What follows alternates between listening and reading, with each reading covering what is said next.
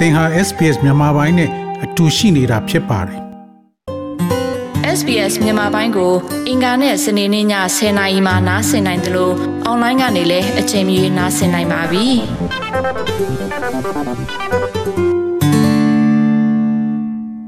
။ NUG ရဲ့ဒီတရားရေးဝန်ကြီးဦးသိန်းဦးခင်ဗျာကျွန်တော်တို့ SBS Radio မြန်မာပိုင်းစီစဉ်နဲ့အခုလိုဆွေးနွေးပေးမဲ့အတွက်ကျေးဇူးအများကြီးတင်ပါတယ်။ကျေးဇူးပါ။ဟုတ်ကဲ့ပထမဆုံးအနေနဲ့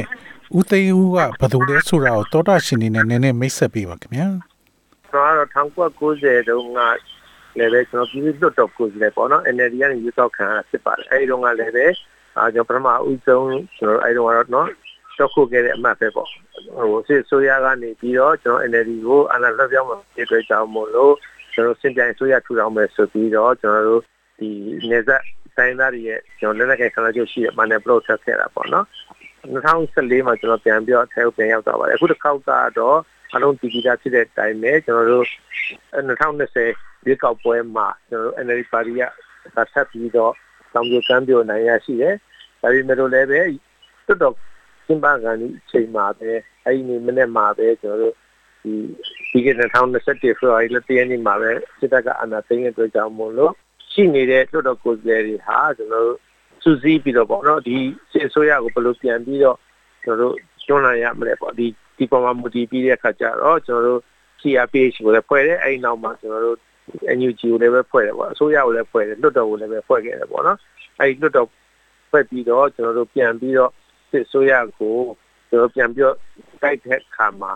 အဲဒီတော့ကတော့ကျွန်တော်စစ်အစိုးရပေါ့ဗျာဒါပေမဲ့ကျွန်တော်တို့ကလက်ခံတာကစစ်အစိုးရလို့လက်မခံဘူးအကြမ်းဖက်စစ်အုပ်စုနေနေပဲကျွန်တော်လက်ခံပါတယ် ကျွန်တော်ပြောတဲ့ခါမှာလည်းအကြမ်းဖက်စစ်အုပ်စုနေနေပဲပြောခဲ့တယ်။မူတာတော့ကတော့သူတို့ကဒီစစ်ဆိုရဆိုပြီးကြီးညာလိုက်တဲ့ပုံမှာကျွန်တော်တို့ဒီသုံးလုံးကက်ပြီးမယ်လို့လည်းပဲကျွန်တော်တို့တကယ်လက်တွေ့မှာတော့စစ်အစိုးရဆိုတာကိုကျွန်တော်လက်မခံပါဘူးအကြမ်းဖက်ပြီးတော့အာဏာကိုမတရားသိမ်းယူထားတဲ့အုပ်စုပဲအကြမ်းဖက်အုပ်စုပဲဖြစ်တယ်။ဆိုတော့ဒီဟာကိုဒီတိုက်ဖို့အတွက်ဆိုလို့ရှိရင်ဒီခါကျတော့ဖွဲ့တဲ့ခါကျတော့အမျိုးသားညီညွတ်ရေးအစိုးရပေါ့ဟိုဖွဲ့တာဖြစ်ပါတယ်ဒီဖွဲ့မှာဆိုလို့ရှိရင်တော့တော်တော်ကိုယ်စားလှယ်တွေလည်းပါတယ်အခြားသော ကျွန်တော်တို့ဒီတိုင်းသားလက်နက်ကိုင်ဖွဲ့ရပုံကိုယ်တွေလည်းပါတယ်အခြားသောကျွန်တော်တို့ဒီပြင်ပကပုံကိုယ်တွေလည်းပါတယ်ပေါ့เนาะကျွန်တော်ဒီဒီတခါတော့ကျွန်တော်အနေနဲ့ကတော့เนาะပြင်ပကနေကျွန်တော်ပညာရှင်တယောက်ဖြစ်နေမြို့သားညီညွတ်ရေးအစိုးရမတရားရေးဝန်ကြီးဖြစ်နေအာကျွန်တော်ထပ်ဆောင်နေတာဖြစ်ပါတယ်ဟုတ်ကဲ့ဟုတ်ကဲ့ဦးသိန်းဦးကတရားရေးဝန်ကြီးဆိုတော့ကျွန်တော်တို့ NUG အစိုးရမြန်မာပြည်ထဲမှာ ပြန်ရောက်တဲ့ခါကြလို့ရှိရင်ကျွန်တော်တို့ဒီ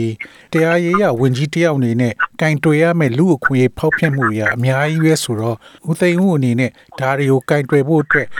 ဒီလူအလုံးလောက်ရမလားငွေအလုံးလောက်ရှိပါမလားအဓိကအဖြစ်တော့ပေါ့နော်ဒီမြန်မာနိုင်ငံရဲ့တရားစီရင်စနစ်ကလုံးဝကို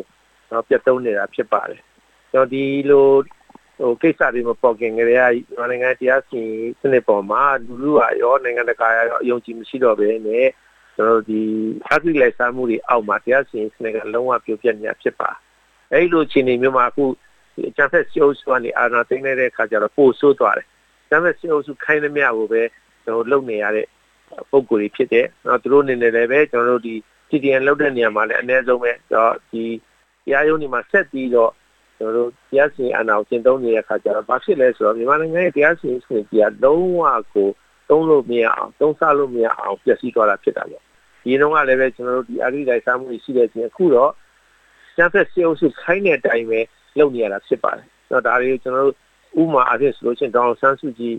ရဲ့အမှုပေါ့နော်နိုင်ငံတော်တမိုင်းဝင်းမြင့်တဲ့တောင်ဆန်းစုကြည်တို့အပေါ်မှာဆွထားတဲ့အမှုတွေဆိုရင်အင်မတန်မှပဲသိတာထင်ရှားပါတယ်။ဒီလိုနိုင်ငံရဲ့ခေါင်းဆောင်ကဘာတိတဲ့ခေါင်းဆောင်တွေကိုတောင်းပါပဲ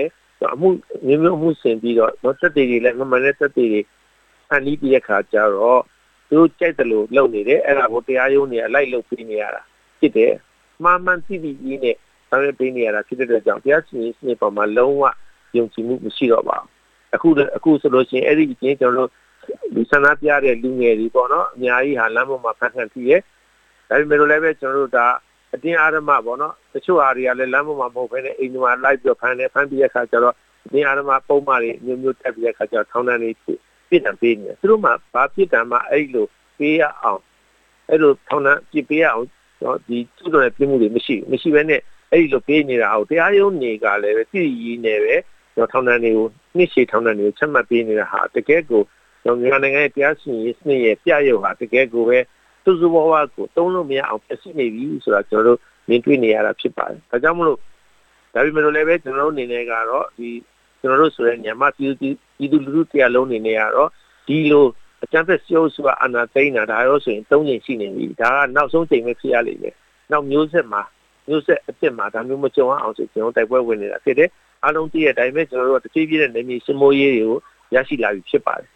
အဲ့တော့လူထုရဲ့တန်ဋိဌာန်လည်းအမှန်တမ်းခိုင်မာတဲ့အတွက်ကြောင့်မို့ကျွန်တော်တို့ကအနည်းနဲ့အမြန်ကျွန်တော်ဒီနှစ်တော်တက်မှာပဲကျွန်တော်တို့ဟာ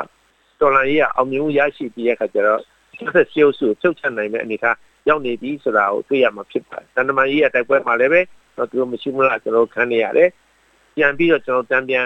ကျွန်တော်ခုခံတဲ့ PDF ရဲ့စစ်ပွဲတွေကလည်းတဖြည်းဖြည်းနဲ့နေမြေတွေကိုသိမ့်ပိုက်စမိုးလာနေတဲ့အနေအထားဖြစ်နေတာဖြစ်ပါတယ်။ဒါကြောင့်မို့လို့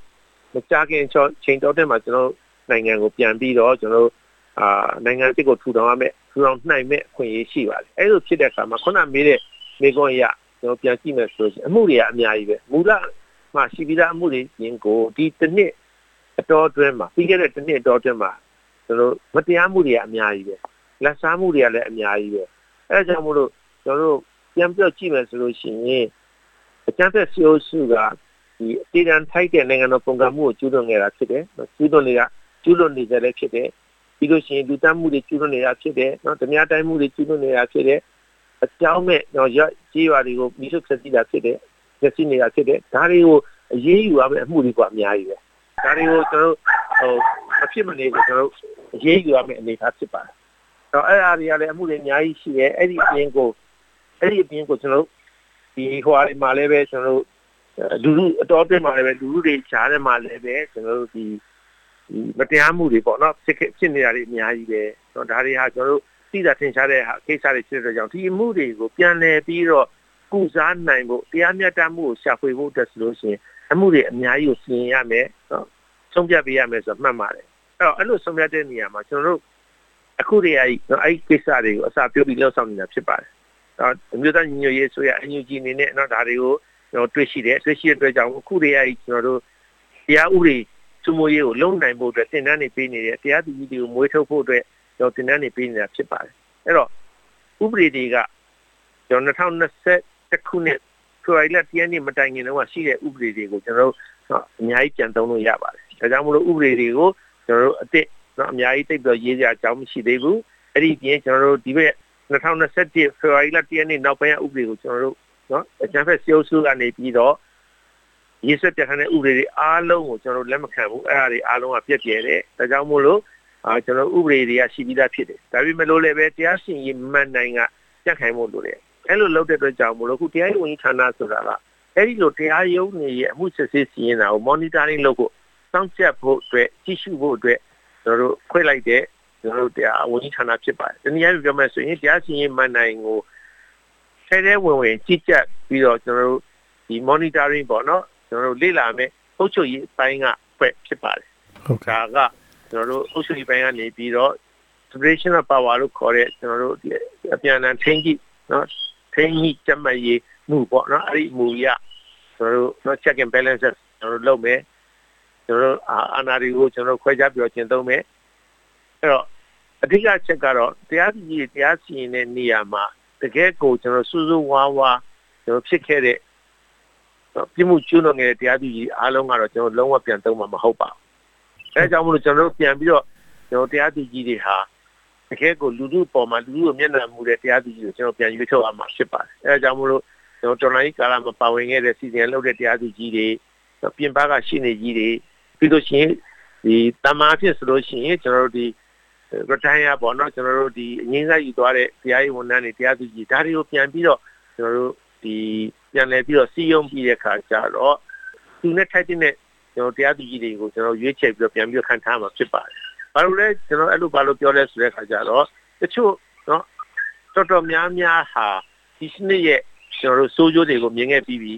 ဒီစနစ်ရဲ့တရားစီရင်မှန်ရဲ့ပျက်စီးနေမှုကိုမြင်ခဲ့ပြီးပြီတွေ့ခဲ့ပြီးပြီဒါကြောင့်မို့လို့ဒီလိုပုံကိုယ်တွေဟာကျွန်တော်အများကြီးရှိပါတယ်ဒီတော်လိုင်းရနေမွေးပေးလိုက်တဲ့ဒီစိတ်သက်ပေါ်မှာအခြေခံပြီးတော့လုပ်မယ်ဆိုလို့ရှိရင်မဖြစ်နိုင်ကြအကြောင်းမရှိပါဘူးဒါကြောင့်မို့လို့ကျွန်တော်တို့အနေနဲ့ကတော့ဒီကိစ္စဟာခက်ခဲတော့ရှိမယ်ဒါပေမဲ့မအောင်မြင်နိုင်ကြအကြောင်းမရှိဘူးပြီးလို့ရှိရင်နိုင်ငံတကာရဲ့ ဒီဆက်သွယ်မှုရရှိပြီးတဲ့အခါကျတော့ကျွန်တော်တို့အဲ့ဒီအမြန်ကျွန်တော်တရားစီရင်နဲ့ပတ်သက်တဲ့ကျွန်တော်သင်တန်းတွေမွမ်းမံသင်တန်းတွေကျွန်တော်ပေးမယ်ပြီးလို့ရှိရင်တရားရုံးတွေကိုကျွန်တော်စောင့်ကြည့်ပြီးတော့မှန်မှန်ကန်ကန်တရားစီရင်နိုင်ဖို့အတွက်ကိုလောက်ကင်ဖို့လောက်ကင်နိုင်ဖို့အခုတည်းကကျွန်တော်ကသွားနေတဲ့သွားနေပြီဖြစ်ပါတယ်လုံနေပြီဖြစ်ပါတယ်ဒါကြောင့်မို့လို့အခက်အခဲတော့အများကြီးရှိမယ်ဒါပေမဲ့လို့လည်းပဲကျွန်တော်မလုံနိုင်ကြအကြောင်းမရှိဘူးလို့ကျွန်တော်အဲ့လိုပြောချင်ပါတယ်ဟုတ်ကဲ့အခုတိုင်းဆိုလို့ရှိရင်ဦးသိန်းဦးအနေနဲ့ကတော့ကျွန်တော်တို့ဒီတိုင်းပြည်ထဲ မှာပြန်ပြီးတော့အုပ်ချုပ်မဲ့အချိန်ကြလို့ရှိရင်လှုပ်ဖို့လှုပ်ကြရမယ့်ဟာတွေအကုန်လုံးစီမံကိန်းချပြီးလှုပ်ထားတဲ့သဘောမျိုးဖြစ်နေတော့အစားအစာကတော့အောင်မြင်မယ်လို့ကျွန်တော်ကတော့ယုံကြည်ပါတယ်အခုလို့ကျွန်တော်တို့ SBS Radio မြန်မာပိုင်းစီစဉ်နဲ့ဆွေးနွေးပေးတဲ့အတွက်လည်းကျေးဇူးအများကြီးတင်ပါတယ်နော်ဟုတ်ကဲ့ကျေးဇူးပါဟုတ်ကဲ့ SBS မြန်မာပိုင်းကိုနားဆင်ရတာနှစ်သက်ပါတလား Facebook မှာဆွေးနွေးမှုတွေကိုဆက်ကြရအောင်ပါ SBS မြန်မာပိုင်း Facebook ကို like လုပ်ပြီးတော့သင်ချင်တဲ့ချက်ကိုမျှဝေနိုင်ပါတယ် SBS Bemis ကို Facebook မှာ share ကြည့်နိုင်ပါတယ်ရှင်